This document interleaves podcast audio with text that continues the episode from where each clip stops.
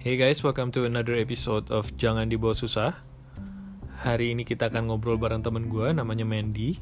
Nah, Mandy ini adalah salah satu temen gue yang terkena layoff dari perusahaannya, dikarenakan oleh situasi COVID-19 sekarang. Dan Mandy akan share experience dia dan gimana dia handle situasi ini sekarang. So, stay tuned and let's get started.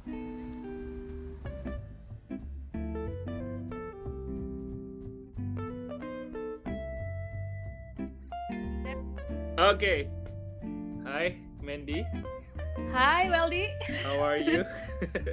Um, surviving. Surviving. Iya, iya. Aduh, gimana? Lu eh, ini berarti ini kan kita topiknya tentang WFH nih. Iya. Ini ini ini gue nih udah sebulan nih WFH. Udah udah ya sebulan lebih lah. Mm-mm. Ya, ya I think ya sebulan lebih dua hari.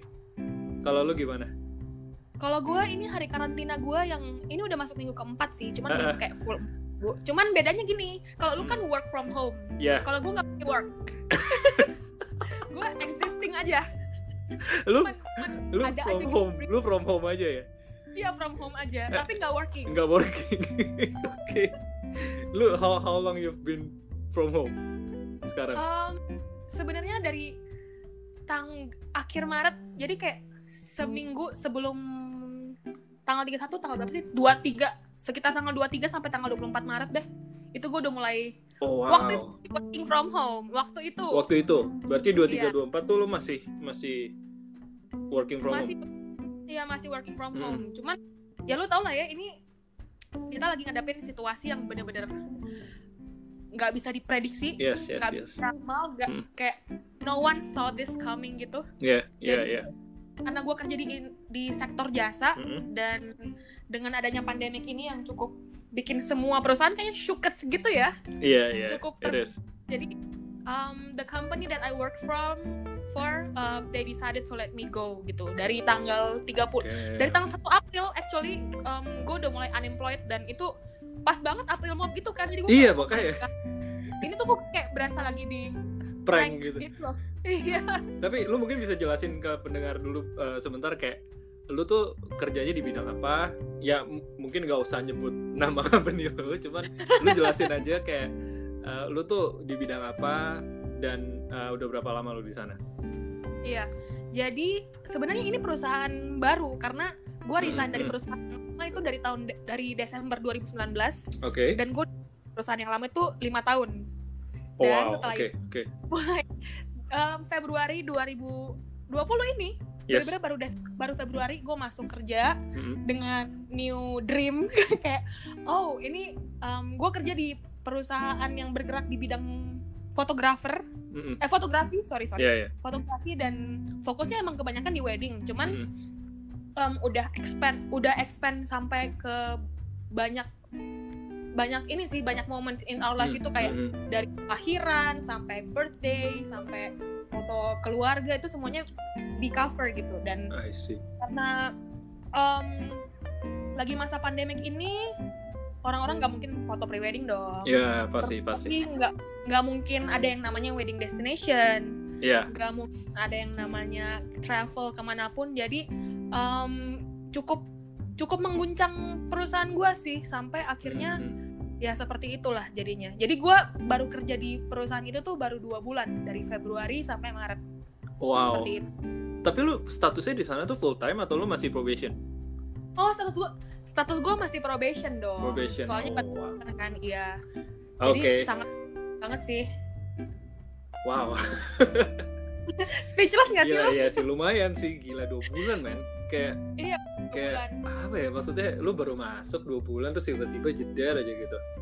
Terus Hmm, kayak tapi lo tau Mm-mm. apa apa gimana Enggak lu di, Gimana? lu dikasih taunya tuh gimana gitu loh. Maksudnya kayak kayak gimana Oh, lu ke- gimana perusahaan lu Iya, bisa iya. kasih tahu di April Mop gitu istilahnya kayak It's a really Nah. bad timing tuh. it's a really bad timing gitu Iya. loh. Jadi selama work from home kan kita kerjanya udah pasti lewat Google Meet atau Iya. lewat aplikasi apa pun lah itu yang bisa memungkinkan untuk memfasilitasi gitu kan. Iya, iya. Nah, one day tanggal 31 Maret ini, benar-benar Hmm, tanggal 31 Maret um, gue lagi work from home gitu and then um, my friend dia bilang gini "Eh, man bisa nggak lu leave ruang meeting yang itu dulu and then you make a lu join gua di meeting room yang baru Private meeting room. iya private meeting room jadi ya gue leave uh, meeting room yang bareng satu tim dan Ya. gue masuk ke uh, meeting room yang baru tapi ini online ya ini online oke, everything oke. happening online gitu jadi Oke. lu bayangin gue lagi bener-bener lagi fokus banget bekerja terus setelah itu gue masuk di ruang meeting yang baru ternyata di sana ada supervisor sama uh, manajer gue Hmm. setelah itu gue pikir oh ini mungkin meeting biasa karena memang kita setiap kali meeting kadang-kadang bertiga gitu brainstorm or ngajuin ide segala macem Oke. tapi ternyata pada saat itu gue tidak menyangka um, supervisor gue bilang ya we are so grateful to have you gue tuh kayak Oh shit. oh my god itu tuh dalam da- di muka gue tuh kan ini video call ya ya. Iya. jadi gue gue sangat berusaha untuk keep my keep my face straight intinya dibilang ya, we are so grateful to have you tapi um, karena ini keadaan yang sungguh sangat menyulitkan jadi we have to let you go Oh my god. Pada saat itu gue kayak this cannot come at the worst time gitu loh Iya udah sih. kayak, I cannot believe it karena um, turns out di tanggal 31 gue dikasih tahu dan hari itu juga efektif immediately gue hari terakhir Wow. jadi yang yang bikin gue sedih tau nggak apa sih gue tuh nggak di farewellin proper gitu loh sama Iya teman-teman iya gue iya iya iya. Iya Kan sih biasanya either itu mau resign atau mau di let go, di lay off gitu kan Iya. biasanya ada farewell gitu-gitu sama macam Iya, bisa iya. ketemuan, cipika-cipiki, pelukan sama teman-teman kerja. Ini gue nggak nggak punya momen itu, jadi gue lemes banget Oh my god. dan cukup cukup iya sih cukup nggak bisa dipercaya. iya sih. Maksudnya itu itu berarti benar-benar less than 24 hours ya. In less than 24 hours, I lost my job. Gila. Dan itu dikasih tahunya bener-bener banget sih. Wow. Terus- setelah itu gue um, setelah dikasih tahu gitu um, supervisor gue bilang oke uh, gue understand kalau misalnya lu mau take time dulu untuk cool down segala macem jadi ya lu nggak usah balik dulu ke ruang meeting yang tadi yang satu tim bareng itu dan lu ya udah lu compose yourself dulu aja gitu Iya. jadi ya, that's what I did Oh no.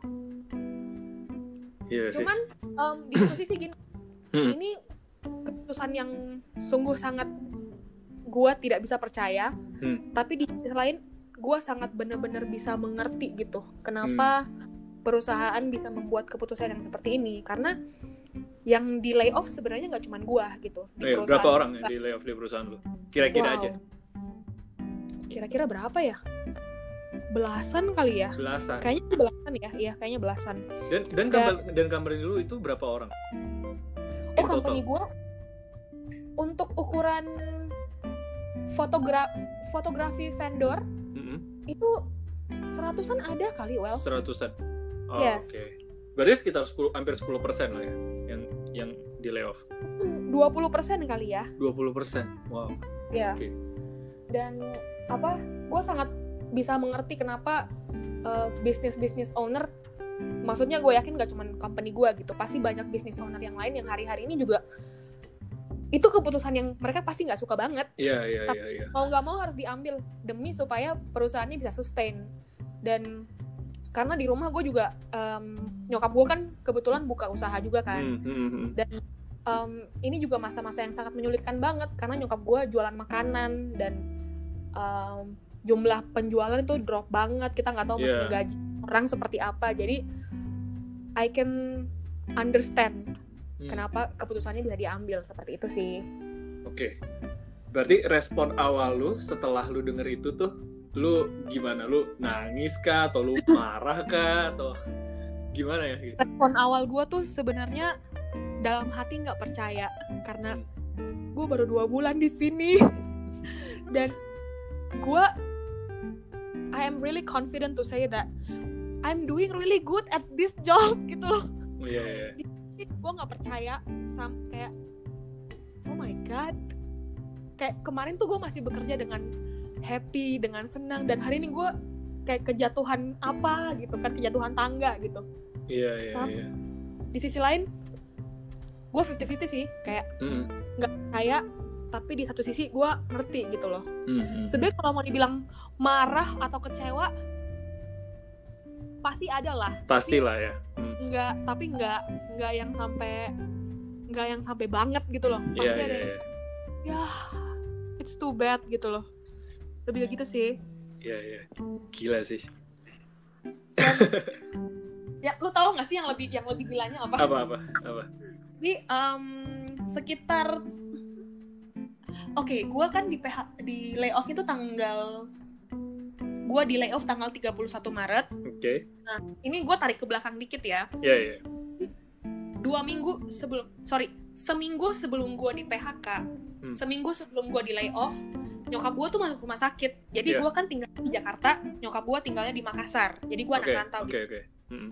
nyokap gue tuh masuk rumah sakit itu sekitar tanggal ya sama lah 24 sampai 25 dia masuk ke rumah sakit Oke. dengan dengan gejala dia demam. Oh, Terus- no. Gue tuh udah kayak oke, ini apa nih? Ini Iya, kenapa? Iya, iya, iya. Oke. Terus dia masuk ke rumah sakit yang sebenarnya rumah sakit ini rumah sakit yang sudah cukup lama di Makassar, tapi kayak Ah, ah. gue kurang gue kurang percaya aja sama rumah sakit ini gitu. Oke, oke. sakit setelah dia sudah demam berhari-hari demam tinggi Iya. dan setelah masuk rumah sakit ini dokter bilang oh dia infeksi saluran kencing Oh, oke. jadi Heeh. dia dikasih obat untuk penurun panas and then setelah itu dua hari kemudian dia pulang ke rumah Oke. pas dia pulang ke rumah gua telepon dia tapi pas dia angkat telepon napasnya tuh sesek-sesek gitu loh kayak dia lagi berusaha untuk ngambil napas terus gue Oh. kayak apa ini apa ini gitu kan tapi waktu itu gue masih belum di PH belum di layoff Iya, iya. waktu itu masih punya kerjaan gitu kan Hmm. Em, setelah dia pulang ke rumah kondisinya kayak gitu gue bilang mami harus cepet ke rumah sakit lagi karena ini nggak bagus gitu kan Hmm. akhirnya dia ke rumah sakit yang lain yang em, yang apa yang kredibilitasnya lebih oke lah Yang proper lah ya. Ya yang lebih proper hmm. daripada rumah sakit yang kemarin Hmm. setelah masuk rumah sakit di foto paru-parunya dan pas keluar hasilnya itu dokter Hmm. bilang gini ini tuh pneumonia Wah. biasanya pneumonia itu emang gejala utama dari covid Iya, iya.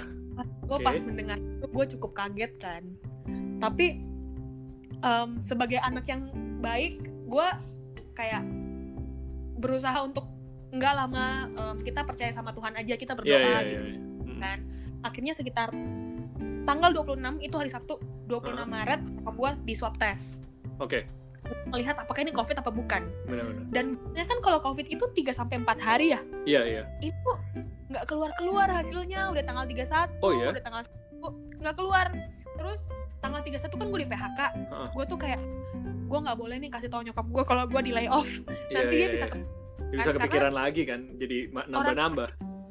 iya dan orang Iya. sakit itu kan mentalnya pengaruh banget well benar, lu- benar, benar. pas nyokap gue masuk ke rumah sakit pas nyokap gue masuk ke rumah sakit yang kedua kalinya Hmm. itu kondisinya parah banget dia demam sampai 39 derajat Oh no.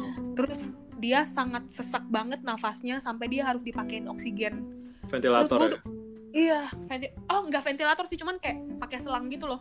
Jadi Oh belum sampai kayak Oke. dan gue panik kan.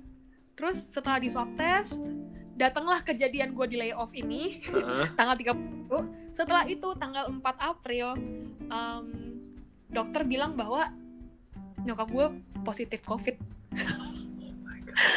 Aduh, gue I don't know why I'm laughing at Oh, when oh my god. Iya. Jadi tanggal 4 tanggal 4 tuh lu lang lu dikasih tahu sama dokter langsung atau nyokap lu yang kontak lu? Langsung dikasih tahu sama oh jadi ceritanya kan em, yang jagain nyokap gue adalah cici gue di Makassar.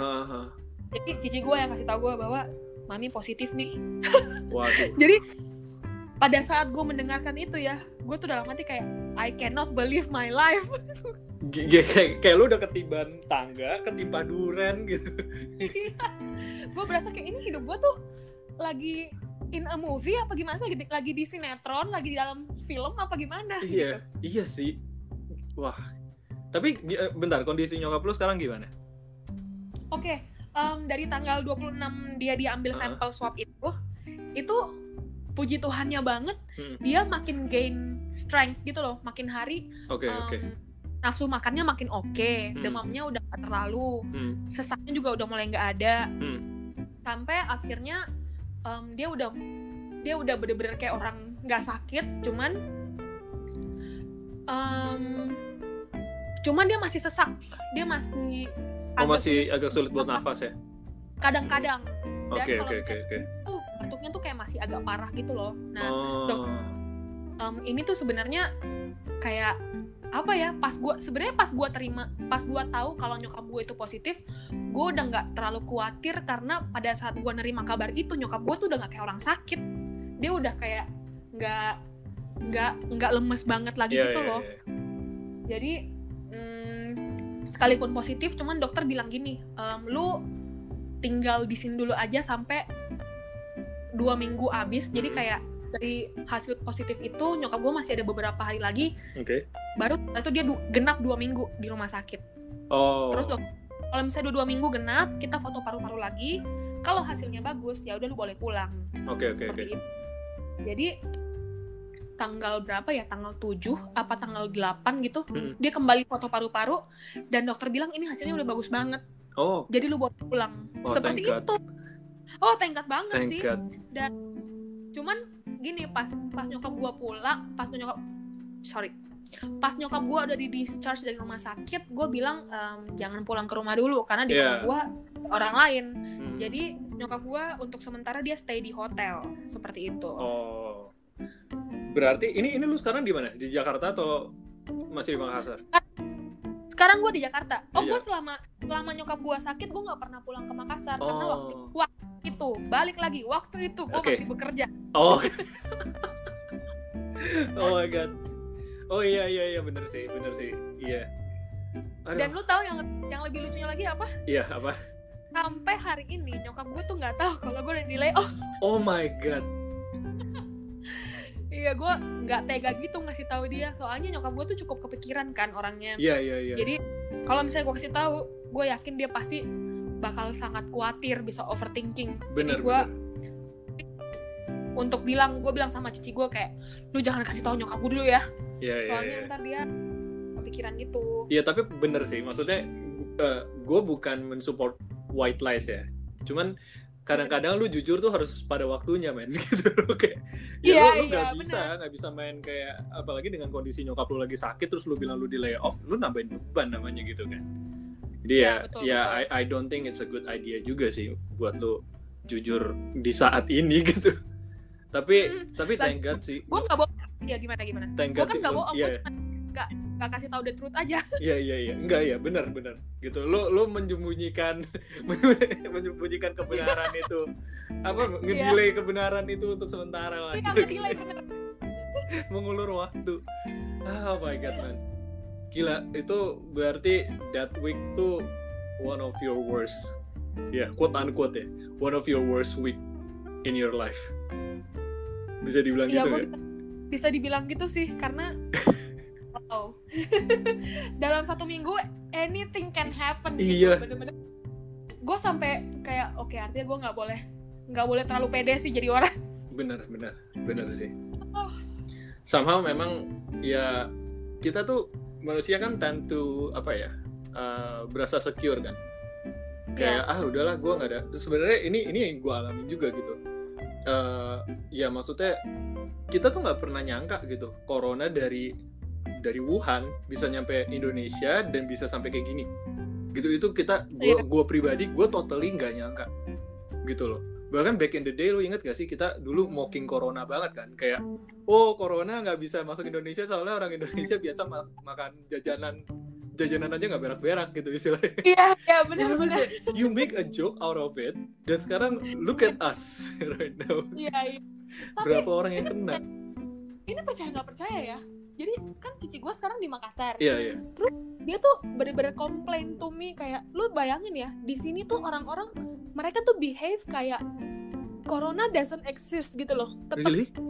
di mana-mana rame. Oh iya? Semua orang tetap keluar. Walaupun mungkin memang sedikit lebih sepi tapi tidak nggak yang sepi banget gitu loh. Lu kan kalau misal lu ngelihat sekarang di Sudirman Tamrin Iya, itu kan sepi banget kan. kosong. Kosong kalau di Makassar tuh katanya orang-orang tetap masih nggak peduli masih di warkop masih Anjir. gue lupa gue lupa kasih tahu kita yang bener-bener apa? Apa? Lagi nih? Gue dari kisah nyokap gue sakit. Oh iya iya, iya. jadi waktu itu nyokap gue baru ngambil sampel swab test. Aha. Dan hasilnya belum keluar. Iya. Lu bayangin, kan jadi karena Makassar itu kota kecil, jadi Iya. everybody kinds of know everybody. Jadi kayak Oke. kalau misalnya lu ketemu orang di jalanan, terus lu kenalan, and then lu bilang, iya gue anaknya Bu ini. Oh itu langsung tuh semua latar belakang lu bisa disebutin sama orang. Oh lu tinggal jalan ini, gue kan bapak lu, gue ke SMA sama nenek lu yang kayak gitu-gitu. Wajir. Jadi kayak everybody kinds of know everybody Oke, termasuk oke, nyokap oke. gue gitu loh. Oke, oke, Karena nyokap gue cukup nyokap gue juga cukup banyak bergaul dengan orang-orang. Lu bayangin dong pas nyokap gue masih di rumah sakit, belum ketahuan positif apa enggak, ada orang yang telepon ke rumah gue dan mengucapkan turut bela sungkawa. Wajir. Iya, dan itu bukan cuma satu orang, tapi beberapa Oh orang. my god. Jadi dikira terus cici gue tuh sampai WhatsApp gue dia bilang, lu bayangin ya di Makassar tuh bener-bener gila deh orang-orangnya. Gila Masa gila gila. Ada rumor yang bilang kalau nyokap gue udah meninggal. Damn. Dan lu tau gak sih, biasa kan kalau misalnya angkatan-angkatannya bonyok kita tuh yang Iya. mereka tuh suka bikin grup tuh, grup warkop lah, grup teman SMA, Ya grup hobi, ya. grup nak, gitu-gitu kan. Nyokap gua, foto nyokap gua itu kayak disebar-sebar ke semua orang, ke semua grup-grup itu dan captionnya gini, "Em, ini harus hati-hati dengan si penjual bubur, Anjir. Kayaknya positif. Terus lu tau nggak kalimat yang bikin gua marah apa? Dia bilang gini, belum tahu kebenarannya tapi hati-hati aja. Iya. Gue tuh kayak, lu kalau belum tahu kebenarannya ya udah cross check dulu, lu jangan sebar-sebarin dong. Ih, gila jadi nyokap lu nih jadi bahan hoax ya ibaratnya ya. Nyokap gue jadi bahan hoax banget. Di Makassar. Sekalipun, sekalipun gini loh, sekalipun memang pada akhirnya nyokap gue positif emang Iya kan. iya iya. Tapi kayak, emangnya itu cara yang baik untuk meningkatkan ini moralitas orang gitu loh kayak Iya iya iya. aneh banget Gue terus kadang nggak ngerti deh. gue gak ngerti sih yang orang telepon ke nyokap gue eh ke rumah gue Heeh. dan dan mengucapkan turut bela sungkawa Iya. terus em, yang bagusnya adalah selama nyokap gue dirawat di rumah sakit cici gue tuh nggak ngasih dia pegang handphone jadi dia nggak punya akses untuk Facebook nggak punya akses WhatsApp jadi kayak dia somehow terlindungi lah dari Iya. semua orang-orang ini lu tahu nggak sih sampai Serangan-serangan hoax. ini yang paling parah masa Iya. ada yang bilang bahwa nyokap gua sama bokap gua itu pergi menjenguk orang yang yang lagi kena covid abis itu pulang-pulang mereka ketularan gue tuh kayak men. bokap gua tuh bokap gua udah meninggal tahun 2012 gue kayak kasihan banget bokap gua Gila. Udah mati 8 tahun udah mati 8 tahun masih dibawa-bawa gitu Gila parah banget sih. Itu parah banget ya. Ibaratnya pertama dia nggak background check. Dia nggak kayaknya tuh orang yang bikin host tuh nggak tahu lu siapa jangan-jangan. Atau dia tahu tahu dia tahu. kayak nggak loh tahu pasti tahu Wow. Gila. Tapi eh gue gua gua nggak tahu ini gue rada ngelantur dikit sih. Apa apa mungkin tuh saingan bisnis mau coba ngejatuhin bisnis nyokap lu atau apa gitu? Oh, hmm, enggak sih, cuman kayak lu lu punya nggak? Well, lu punya nggak sih grup keluarga besar Ada yang ada. isinya om-om tante-tante Ada, yang tiap ada. hari isinya tuh forwardan forwardan message semua gitu loh. Yang, Iya. yang lu yang lu begitu masuk langsung mute setahun gitu loh. Bener bener. Iya iya banget iya banget. Itu so ini sorry gue cut bentar ya. Soalnya gue juga mau mau ini nih gue mau share. Itu grup keluarga tuh. gue gue nggak masuk grup keluarga gue yang besar ya. Cuman Hmm. yang gue tahu tuh di grup keluarga besar itu tuh sempet lah ada ada hoax suruh nyuci. Lu tau gak sih suruh nyuci nyuci nyuci duit? Jadi katanya duit? Kalau habis dapat kembalian dicuci dulu katanya. Ya ya kali anjir. Lu kata duit kita dibikin pakai plastik gitu kan kayak duit. Ini bener aja duit dicuci gitu kan. Ada yang suruh cuci iPhone Iya, coy. ada yang suruh cuci iPhone. Katanya oh sekarang kalau pakai kalau- pakai handphone handphone kita kan uh, weather shield katanya. Water resistant bilangnya. Kalau water resistant itu lu cemplungin alkohol nggak apa-apa katanya. Ada yang nyemplungin. Ya tapi bukan keluarga gue ya ada yang nyemplungin rusak dan akhirnya gue lihat tuh di di pos itu di di pos di eh, apa di salah satu tempat servis gitulah. Ya ada lah ter- lumayan Iya. terkenal jadi dia, Hah. dia ngepost gitu. Katanya iya ini ini pak handphone iPhone saya rusak. Gara-gara diceburin gara-gara saya cuci pakai alkohol katanya. Wah anjing.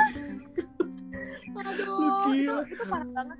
Ya makanya lu gue makanya itu yang gue nggak ngerti itu bisa sampai dan gue gua juga nggak nyangka ya maksudnya teman dekat gue lo gitu bisa keluarga Iya. keluarga lu bisa jadi bahan hoax. Itu itu shitty banget sih di situasi kayak gini lagi gitu loh Iya, dan hoaxnya nggak kira-kira gitu nggak kira-kira banget gue tuh sampai kadang-kadang ya jadi ini yang ini yang lucu banget kan lo tahu kan covid itu dia nggak menular lewat udara gitu Iya, dia iya, tuh menularnya lewat udara. kalau misalnya kalau misalnya lu dibersinin atau dibatukin Hmm, lu hmm. kena air ludah itu Betul. bisa menular betul bukan lewat angin kan enggak jadi enggak, beberapa iya. beberapa hari yang lalu Heeh. ada ada kayak screen capture gitu di forward ke grup keluarga gue gue bilang eh, dia bilang em, gambar itu bilang gini mohon untuk hati-hati keluar rumah tanggal 10 sampai 12 April oh karena gue nih ada akan ada angin yang menuju ke Australia Iya. dan akan lewat ke Indonesia. Gue tahu nih gue tahu nih anjir. Itu gubuk banget anjir. aduh. pas baca itu ya gue tuh kayak pengen pengen marah tapi kasihan gitu loh karena mungkin emang mungkin tante-tante gue memang sekolahnya nggak tinggi gitu kan Iya, kita iya, nggak bisa iya, iya. baca tapi gue tuh kayak gue tuh gue tuh sampai gue tuh sampai balas gini ini dengan nada gue nge gue balas pakai chat tapi nadanya agak sarkastik gitu loh gue bilang Iya, iya. covid itu nggak menyebar lewat udara cuman menyebar Nah. lewat droplet mendingan cek faktanya dari situs-situs Oh. WHO jangan lewat grup WhatsApp yang isinya om-om sama tante-tante warkop. Terus dia gimana responnya? Nggak dibalas ada ada ada satu orang di keluarga gue gue nggak perlu ngomong lah dia jabatannya apa. Dia bilang eh ah masa sih? Hah, masa sih? Kayak gitu loh. Jadi kayak di satu sisi gini loh kita nggak bisa kita nggak bisa nyalahin ya um, angkatan bonyok kita. Karena memang mungkin mereka nggak dapat akses pengetahuan sama kayak kita gitu loh. Betul betul betul. Kalaupun mereka punya mereka nggak nggak tahu cara makainya mereka nggak tahu cara menggunakan akses itu. Tapi at least kayak wah gue nggak ngerti sih gimana cara orang me- merangkai merangkai kata seperti itu. Kayak ada angin dari atas akan menuju ke Australia dan Iya, ke Indonesia. Gue cukup marah tapi ya udah gue gue nggak pusingin lagi deh itu grup iya cuman itu itu itu psycho sih. Kayak iya tapi tapi ya gitu emang terjadi. Iya emang terjadi kan. Maksudnya dan dan dan itu tuh kayak ya gue nggak ngerti sih maksudnya orang yang bikin hoax tuh apa. Tapi ya buat teman-teman yang nggak denger juga gue sih berharap kalian apalagi kita ya generasi millennials kalian tuh udah pakai gadget udah pakai uh, sosial media smartphone ya tolong lebih smart juga gitu loh. Jangan terlalu dibodohi sama hoax-hoax yang nggak jelas gitu kan. Maksudnya ya adalah ada adalah beberapa orang juga yang percaya percaya kalau ya ini adalah konspirasi segala macam gitu. Kayak Hmm. ya ya gue nggak mau matahin beli seorang gitu. Cuman ya ya udah gitu. Cuman intinya gue tuh berharap sih kita semua nih ya tetap bisa ngejaga eh, ya kita tetap di rumah cuci tangan dan lain-lain tetap kondusif gitu loh maksudnya Yes. ini ini tuh yang kayak lu bilang gitu loh ini tuh the one of the hardest part ya yang Yes. yang kita alamin gitu ini 2020 nih gue tuh berharap di cancel aja mendingan si Anjrit ini gak ada bener-bener kayak dari Januari sampai sekarang tuh Iya. gak ada yang bagus apa yang lu bisa lu mention bagus gitu loh Dari Iya kan? Kobe Bryant meninggal. Kobe Bryant meninggal. Glenn Fredly meninggal iya kan Iya, aduh. gue kayak ini ini apa lagi gitu makanya kayak gue di gue di podcast sebelumnya Hmm. gue udah bilang ini sampai Godzilla datang gue juga nggak kaget. Sumpah, sampai Godzilla tiba-tiba dateng gitu sama Ghidorah berantem sama Ultraman, gue nggak kaget anjir sama sekali. Gue kayak ya udah 2020 apa pun possible gitu kan. Iya. Dan ada sampai sampai ada account Instagram lu tahu harusnya lu tahu sih Overhead Jakarta. Iya iya iya. Itu udah sampai tahap di mana kalau ada UFO datang di depan rumah itu kayak ya udah biasa aja Kayak gitu. fuck it man, udah ya udah oke. Lu mau apa sekarang? just, Udah kayak just do what you wanna do. tapi yang lucunya God. yang lucunya adalah karena lu inget gak sih di tanggal 31 Desember 2019 Iya iya. detik-detik di mana lu pengen masuk ke new decade, Iya. dekade yang baru dan everybody was hopeful banget gitu loh. Semua Iya. orang tuh sangat iya 2020 pasti udah bikin resolusi yang baru, pengen Ya. banyak plan yang baru, ada orang-orang yang oke gue pengen hidup lebih serius. Mhm, Tapi semua itu kayak bang. tapi tapi gue berasa gue sebenarnya gue punya firasat soalnya apa 2020 kemarin pas tahun baru itu hujan gede sampai banjir iya betul betul. iya kan itu kayak kayak like What a way to start a new year. Iya, itu baby step dari what comes after that gitu. Kalau gue berasa gitu, itu kayak that's a sign, that's bener-bener a sign gue berasa gitu. Kayak gue nggak pernah percaya, percaya firasat sih, cuman Mm-mm. ya. Eh tapi selama lu selama lu working from home ini yang lu paling kangenin apa sih? Wah anjir, ini baru gue bahas sih kayak di, di, di, di podcast kemarin. Sebenarnya gue tuh Hmm. kangen kangen sesuatu yang dulunya nggak pernah gue kangenin sih. Gue kangen ke kantor, gue kangen ketemu teman-teman gue, gue kangen jalan di di macet-macetan di Jakarta gitu. gue kangen ya jajan habis kantor gitu jam 5 gue biasa jam 5 tuh jajan gitu keluar kantor. Ya kangen itu gitu loh. Kayak gue sekarang berasa apa ya? Lu lu pernah keluar gak sih? Kayak kayak entah ke supermarket atau apa beli bahan makanan itu lu berasa aneh Oh, iya, banget gak iya. sih? Lu berasa Gua- aneh lu takut ketemu orang gitu. Lu lu jadi skeptical sama orang gitu. Lebih ketakut sih lu bayangin Iya. ya. Kalau gue keluar rumah itu gue bakal bawa kayak satu botol alkohol tapi botolnya kecil gitu sih. Hmm. Gue beli yang gede terus gue taruh di tempat yang kecil. Hmm. terus gue sediain kapas di tas gue jadi every time gue mesen apa apa gue bakal pencetin tuh alkohol ke kapas terus gue lap lap dulu. Iya kan? Baru gue kayak berani. Iya. Dan dan Dan- gue merasa bahwa ini kejadian ini akan ngerubah uh, attitude manusia juga sih. Iya kayak gue akan berasa akan ada di masa di mana lu tuh akan skeptical banget sama orang akan sangat skeptical. Gue berasa gitu. Soalnya gini loh. Sekarang kan isunya bukan corona doang. Sekarang isunya kayak sekarang uh, apa uh, penjahat-penjahat pada di pada dibebasin dari penjara gitu kan? Yes yes. Jadi Heeh. ya adalah bilang katanya oh ini ap- apa udah banyak nih preman-preman yang nungguin di halte busway segala macam. Ya gue nggak tahu itu kebenarannya atau benar atau enggak gitu. Maksudnya ya kita tetap aware. Ya Mm-mm. cuman lu akan sangat skeptical gitu. Pas lu keluar tuh lu gak cuma takut sama virus. Lu bisa Eh, jadi tapi- takut sama orang Iya. gitu loh. Iya bener. Iya kan? Temen gua temen gua tuh kemarin baru aja dia dia ngekosnya di daerah eh, Sudirman. Mhm. sorry di daerah mana ya? Menteng situ deh. Iya iya. Pokoknya gua nge ngekos di daerah Menteng dia mau ke food hall Grand Indonesia. Mhm. di depan GI handphonenya dijambret. Wah. Jadi kayak wow masih hati-hati sih. Iya.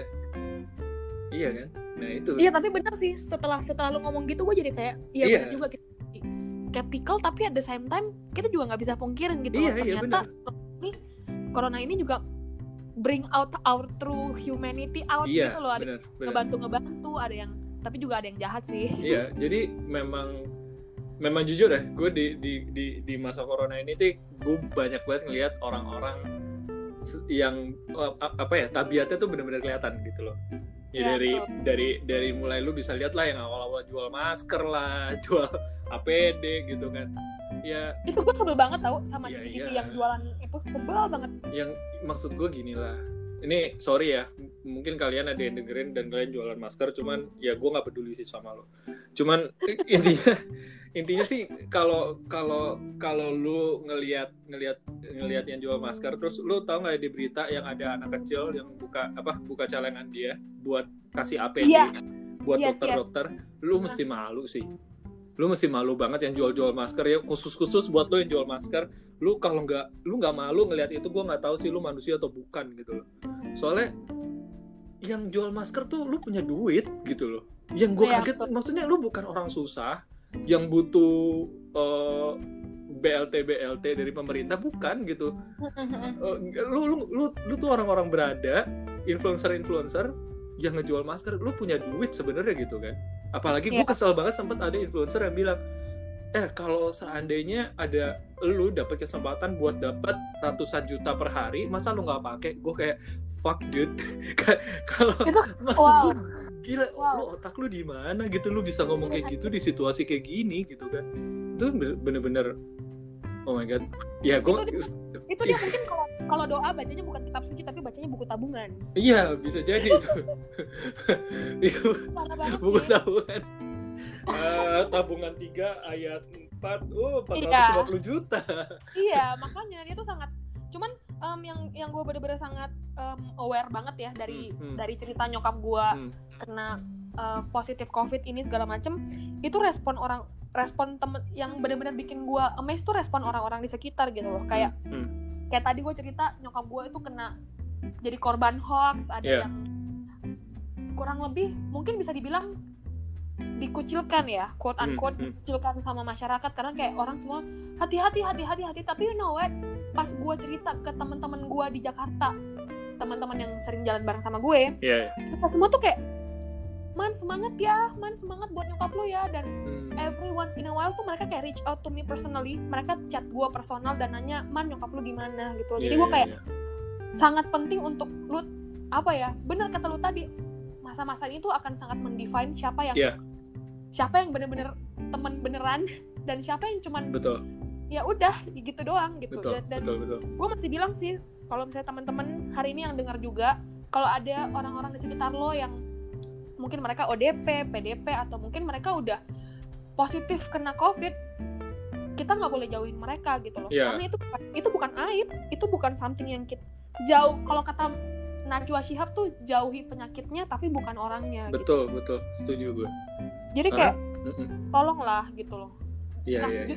du- kasih dukungan moral kasih semangat gitu bukan dikucilkan Iya, betul, betul, betul. Tapi lu berarti selama fase ini nih dari semua keacak-adutan ini di dalam hidup lu tuh eh, lu juga grateful kalau lu punya support system yang kuat ya. Kayaknya. Iya bet- betul betul betul. Kayak Tapi- gi- gimana lu lu lu eh, gimana sih lu lu tuh striving ini eh, sekarang tuh gimana gitu loh. Em, Sebenarnya ini tuh jadi kan gue cukup suka baca. Hmm. Jadi gue sangat mencoba untuk keep my buku-buku yang gue baca tuh gue usahakan sevariasi mungkin lah. Hmm, Nggak hmm. cuma buku-buku yang gue suka doang, tapi buku-buku yang mengajar juga. Nah Hmm. tahun kemarin tuh ceritanya gue baca satu buku judulnya Filosofi Teras kalau lu pernah denger. Nah, Oke. Filosofi Teras ini Hmm. ngajarin tentang sebuah filsafat asik. Gue Oh, tiba-tiba sh- ngomong jadi Dalam nih anjir. Oke, oke. ini gue ceritanya belajar Hmm. ilmu filsafat stoik kalau lu pernah dengar Oke. stoicism jadi ceritanya ilmu filsafat stoicism ini bilang bahwa cara untuk kita punya hidup yang damai dan nggak emosian maksudnya nggak nggak banyak hal-hal negatif dalam hidup kita itu Hmm. adalah kalau kita bisa bedain mana hal-hal yang kita bisa kendalikan mana hal-hal yang kita nggak bisa kendalikan gitu Oh, kayak hmm. misalnya nih kita tuh nggak bisa kendaliin corona, corona ini sampai kapan gitu loh Betul, kita nggak bisa betul. kita nggak bisa kendaliin orang keluar rumah padahal aturan PSBB udah ada tetap orang keluar rumah kita nggak Iya, bisa kendaliin iya, itu gitu. iya. tapi kita selalu bisa kendaliin respon kita kita bisa kendaliin kita punya perspektif. Jadi kayak pada saat pada saat misalnya nih gue dikasih tahu kalau gue lay off gue langsung kayak oke ini bukan something yang gue bisa kontrol. Iya. ini sesuatu di, bawah- di, di luar kontrol gue Hmm. jadi ya yang bisa gue atur adalah cara gue merespon. Ya cara meresponnya ya apa ya? Ya terima aja gitu. Justru lu perhatiin gak sih orang-orang yang menghindari hal-hal negatif itu justru kadang-kadang hidupnya lebih lebih apa ya kalau misalnya ada masalah dikit langsung tumbang gitu loh orangnya Iya, iya, benar benar. daripada orang-orang yang kalau ada masalah yang dia terima ya udah dia deal with it gitu loh dan gue benar-benar belajar untuk oke ini bukan hal yang bisa gue kontrol nyokap gue kena corona gue nggak bisa kontrol itu gue Iya, nggak iya, bisa iya, benar. gue nggak bisa ngusir itu virus gitu loh Iya, iya. tapi yang yang bisa gue kendalikan adalah ya gue harus bersemangat gue harus tetap kasih nyokap gue semangat gue nggak boleh Iya. kelihatan sedih gitu loh depan nyokap gue jadi lebih ke kayak ayo mami semangat ayo harus bisa Benar, benar, benar. bertahan gitu kan dan apa namanya em, ternyata pada saat gue mempraktekkan itu dalam kehidupan gue saat Hmm. gue menerima apa yang oh ini gue nggak bisa kendaliin oh tapi gue bisa mengendalikan ini saat gue punya mindset seperti itu turns out hidup gue jadi lebih bahagia gitu loh. Hmm. lu tau lu pernah gak sih ketemu orang yang dia bangun pagi terus misalnya pagi-pagi hujan orangnya langsung bad mood gitu kayak ih Iya. kok hujan sih? Gue udah pengen ini gue udah pengen ini. Ah nggak mau. Ah bad mood bad mood bad mood. Tapi nah itu bahayanya di situ tuh karena dia menggantungkan kebahagiaan dia ke hal-hal yang dia nggak bisa kontrol gitu Wow. tapi sebenarnya gini loh gue ngomong gini bukan berarti itu sesuatu hal yang gampang ya Iya, iya, iya. itu sesuatu itu sesuatu yang sulit banget dan sampai hari Bener. ini pun gue belajar gitu Bener. tapi Bener. lu kalau misalnya ada waktu ya lu baca deh itu buku Iya, iya, iya, iya. Menarik sih. sangat menarik banget Iya, iya, iya, iya. satu-satu apa orang tuh karena gini loh kita nggak bisa pungkiri bahwa kita akan ketemu lebih banyak hal-hal yang bikin kita kecewa Bener. daripada Setuju. hal yang bikin kita seneng Bener, Nah, bener. misalnya kita terus menghindari atau terus in denial Hmm. akan hal itu ya saat satu masalah yang gede banget datang ya lu lu bakal langsung kayak mind blown gitu loh karena selama Yeah. ini lu nggak lu nggak pernah melatih diri lu untuk nerima hal-hal yang nggak lu senengin Iya, dan iya, hal-hal iya. iya. seperti itu sih Wow. Berarti gila ya. Dalam banget. ya. Cuman gue setuju sih, gue setuju gitu. Maksudnya ya memang sih kayak manusia tuh eh, terkadang ya eh, memang nggak dilatih untuk menerima eh, kabar buruk. ya Itu, betul. itu, itu, itu, itu yang gue alamin juga gitu. Maksudnya nggak ada yang suka kabar buruk gitu. Cuman ya yang benar kata lo gitu. Maksudnya dalam kehidupan kita setiap hari itu kita akan menerima kabar buruk gitu. If you don't Iya. deal with it, well you can run, but how long? yes Iya kan? betul Ya how long how long lu bisa run from that bad news gitu or bad things Hmm. gitu kan? Ya lu nggak bisa lari selamanya. Someday you need to face it kan. And Iya. mungkin someday waktu lu face it itu udah berlipat-lipat keburukan yang Iya. harus lu lu lu lu face gitu loh. Jadi iya betul jadi lalu berat gitu meng- menghadapinya. Wah iya iya iya, bener sih. Wow. tapi dulu tuh, tapi dulu tuh gue sangat kayak gitu ngerti gak sih Well Iya Jadi iya dulu iya.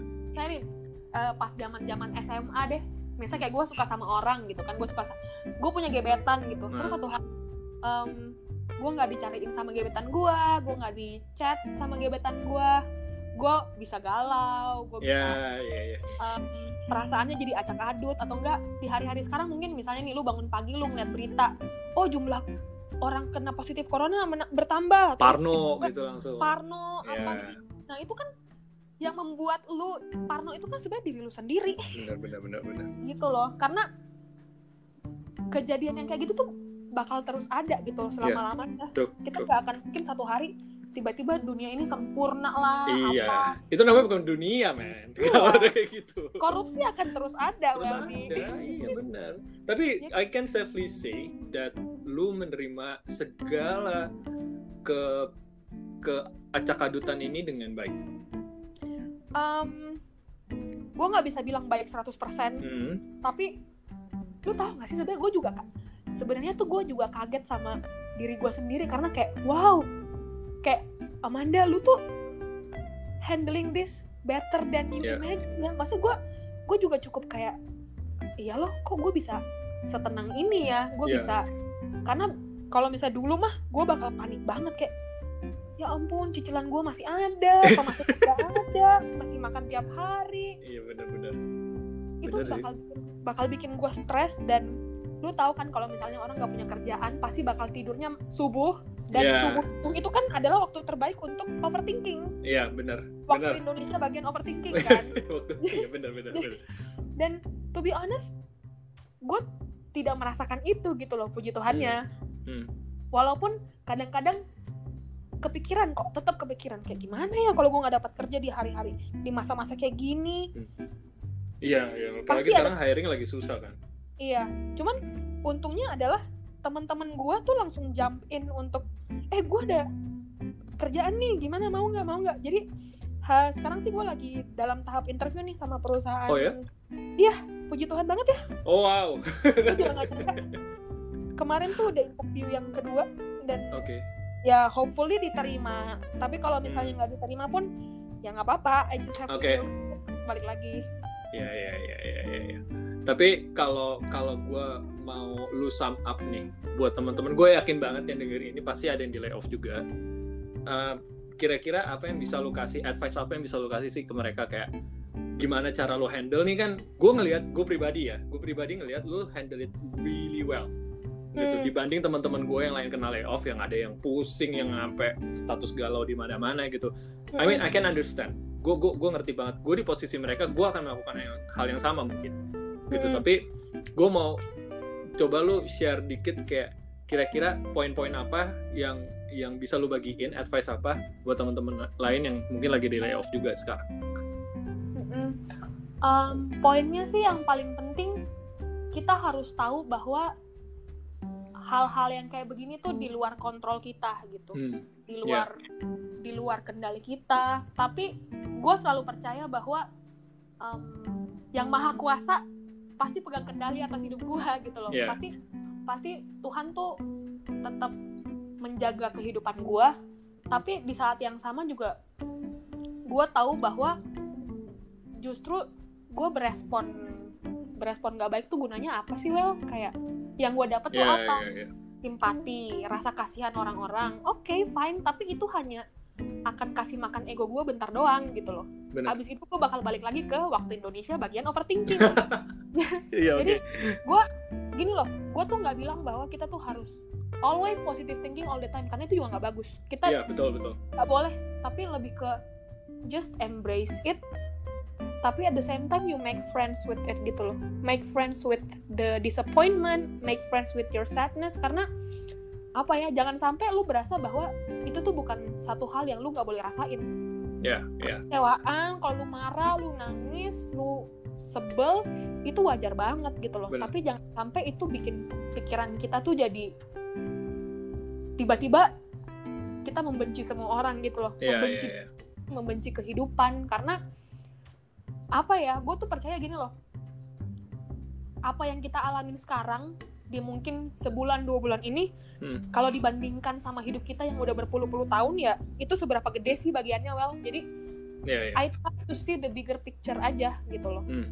True. kalau misalnya dan gue selalu ngeliat ke belakang sih lebih tepatnya kayak ada masa-masa di mana gue lebih lebih menyengsarakan lagi hidupnya dari ini pas gue dulu masih kuliah gue masih makan indomie tiap hari itu pun ngutang Iya, wow.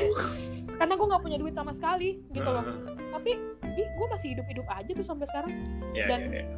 sekarang gue belum sekarang gue belum sampai tahap di mana gue nggak punya duit sama sekali sih Hmm. masih ada tabungan Hmm. tapi sekalipun satu hari gue nggak punya tabungan gue akan terus gue akan tetap ingat pas gue oh dulu pas gue nggak punya tabungan pun gue tetap masih bisa makan gitu loh Iya, karena iya, iya. ada orang-orang yang peduli sama gue jadi lu bayangin deh pas gue baru diketahuan layoff teman-teman gue tahu mereka tuh Hmm. semua langsung kayak what do you need? Gue kirimin makanan ya atau enggak? Wow. nih karena gue ingat sama lu. Jadi di satu sisi penting untuk kita berdamai dengan diri sendiri dengan perasaan kita tapi di satu sisi juga penting banget untuk kita punya temen yang mendukung gitu loh yang support. Iya, iya, iya. bukan cuma yang kayak ngetawain lu doang. Ya bener sih. gitu. Bukan cuma yang kayak lu bisa ngajak mabuk-mabuk atau Iya, enggak iya, iya. nongkrong ngajak sebat. Itu itu fun gitu loh. Punya temen itu fun. Tapi di umur umur sekarang lu masa sih masih mau sampai berapa lama lagi lu Iya. mau temen Bener, Maksudnya, bener. di ayo gue nggak bilang gue nggak bilang kita nggak boleh temenan sama orang-orang yang sebat atau nongkrong ya ya. iya. cuman em, lebih ke ayo lu lihat yuk kita lihat di mana di mana kita hidup sekarang tuh orang-orangnya seperti apa Iya. gitu kayak gue juga berasa ini waktu yang tepat buat lu ngelihat orang lain gitu loh bukan berarti lu ngejudge orang lain gitu ini mungkin poin-poin terakhir dari gue aja sebelum gue nutup podcast ini. Cuman kalau dari yang yang gue tangkap dari apa yang lu ngomongin hari ini tuh eh, kata kuncinya sih embrace ya. Yes. lu, lu lu harus embrace apa pun yang memang lu hadapin di depan gitu. Mau mau baik maupun buruk gitu. Soalnya ya this is life and Yes. you can control life gitu loh. You can control your life gitu kan.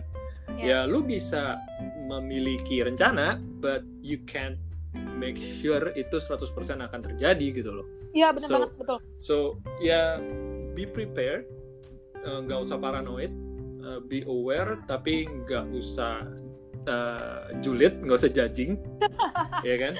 Jadi lu eh, memang di masa-masa ini hal positif yang bisa gua gua sendiri pelajari adalah lu bisa pelajarin sekitar lu gitu, lu bisa pelajarin teman-teman lu lu bisa pelajarin apakah bisnis lu ini work uh, apa apakah yang harus lu persiapkan untuk bisnis lu ke depan gitu dengan kondisi kayak gini gitu. Apa uh, kerjaan lu udah oke? Okay? apakah kantor lu juga udah oke okay dengan menjamin lu gitu? Nah ini yeah. there are a lot of things yang bisa lu pelajarin dari sini even though it's a really bad experience for us. Intinya itu sih. Tapi anyway gue thank you banget man. Lu udah share sama kita semua hari ini. Thank you banget. I think I think this is the longest one. I think Masa sih? Kayak ini is almost an hour, I guess. yes, yes. Iya kan? Tapi tapi it's okay, it's okay. Cuman ini benar-benar quality content yang yang emang gue pengen share juga eh, dan itu salah satu tujuan gue juga untuk bikin podcast ini tuh bukan cuman sekedar buat gue ngebacot tanpa poin gitu cuman gue berharap teman-teman juga bisa ngambil something dari apa yang kita share hari ini kita uh, kita yang terutama yang Mandy share hari ini dan uh, eh, gue mau ngingetin juga buat teman-teman untuk tetap stay di rumah cuci tangan pakai masker kalau mau keluar, please. Karena kita kan, uh, terutama di Jakarta ya teman-teman Jakarta kita lagi PSBB, please, please banget untuk patuhin apa yang pemerintah uh, sarankan ke kita. Karena itu buat kebaikan kita semua. Lu ada message apa nggak terakhir? Message dari gue untuk teman-teman yang mengalami hal seperti gue, um, stay strong, tetap bertahan, dan buat um, yang kerabatnya atau keluarganya atau orang terdekatnya juga mungkin lagi struggle dengan COVID-19 ini terus berikan semangat buat mereka, jangan menyerah. Yep. Gue tetap percaya sih bahwa um, mental itu penting banget. Yep. Jadi kayak keep keep apa saat kita semangat tuh pasti kita punya kekuatan untuk bisa survive, untuk bisa sembuh. True. Gitu. Oke, okay. thank you banget Manda atas waktu. Thank you banget Weldy. So I think we're gonna close this podcast. So thank you guys for listening. Gua Weldy dan dan gue Manda. Oke, okay, thank you. Bye guys. See you in the next Bye. episode. Bye.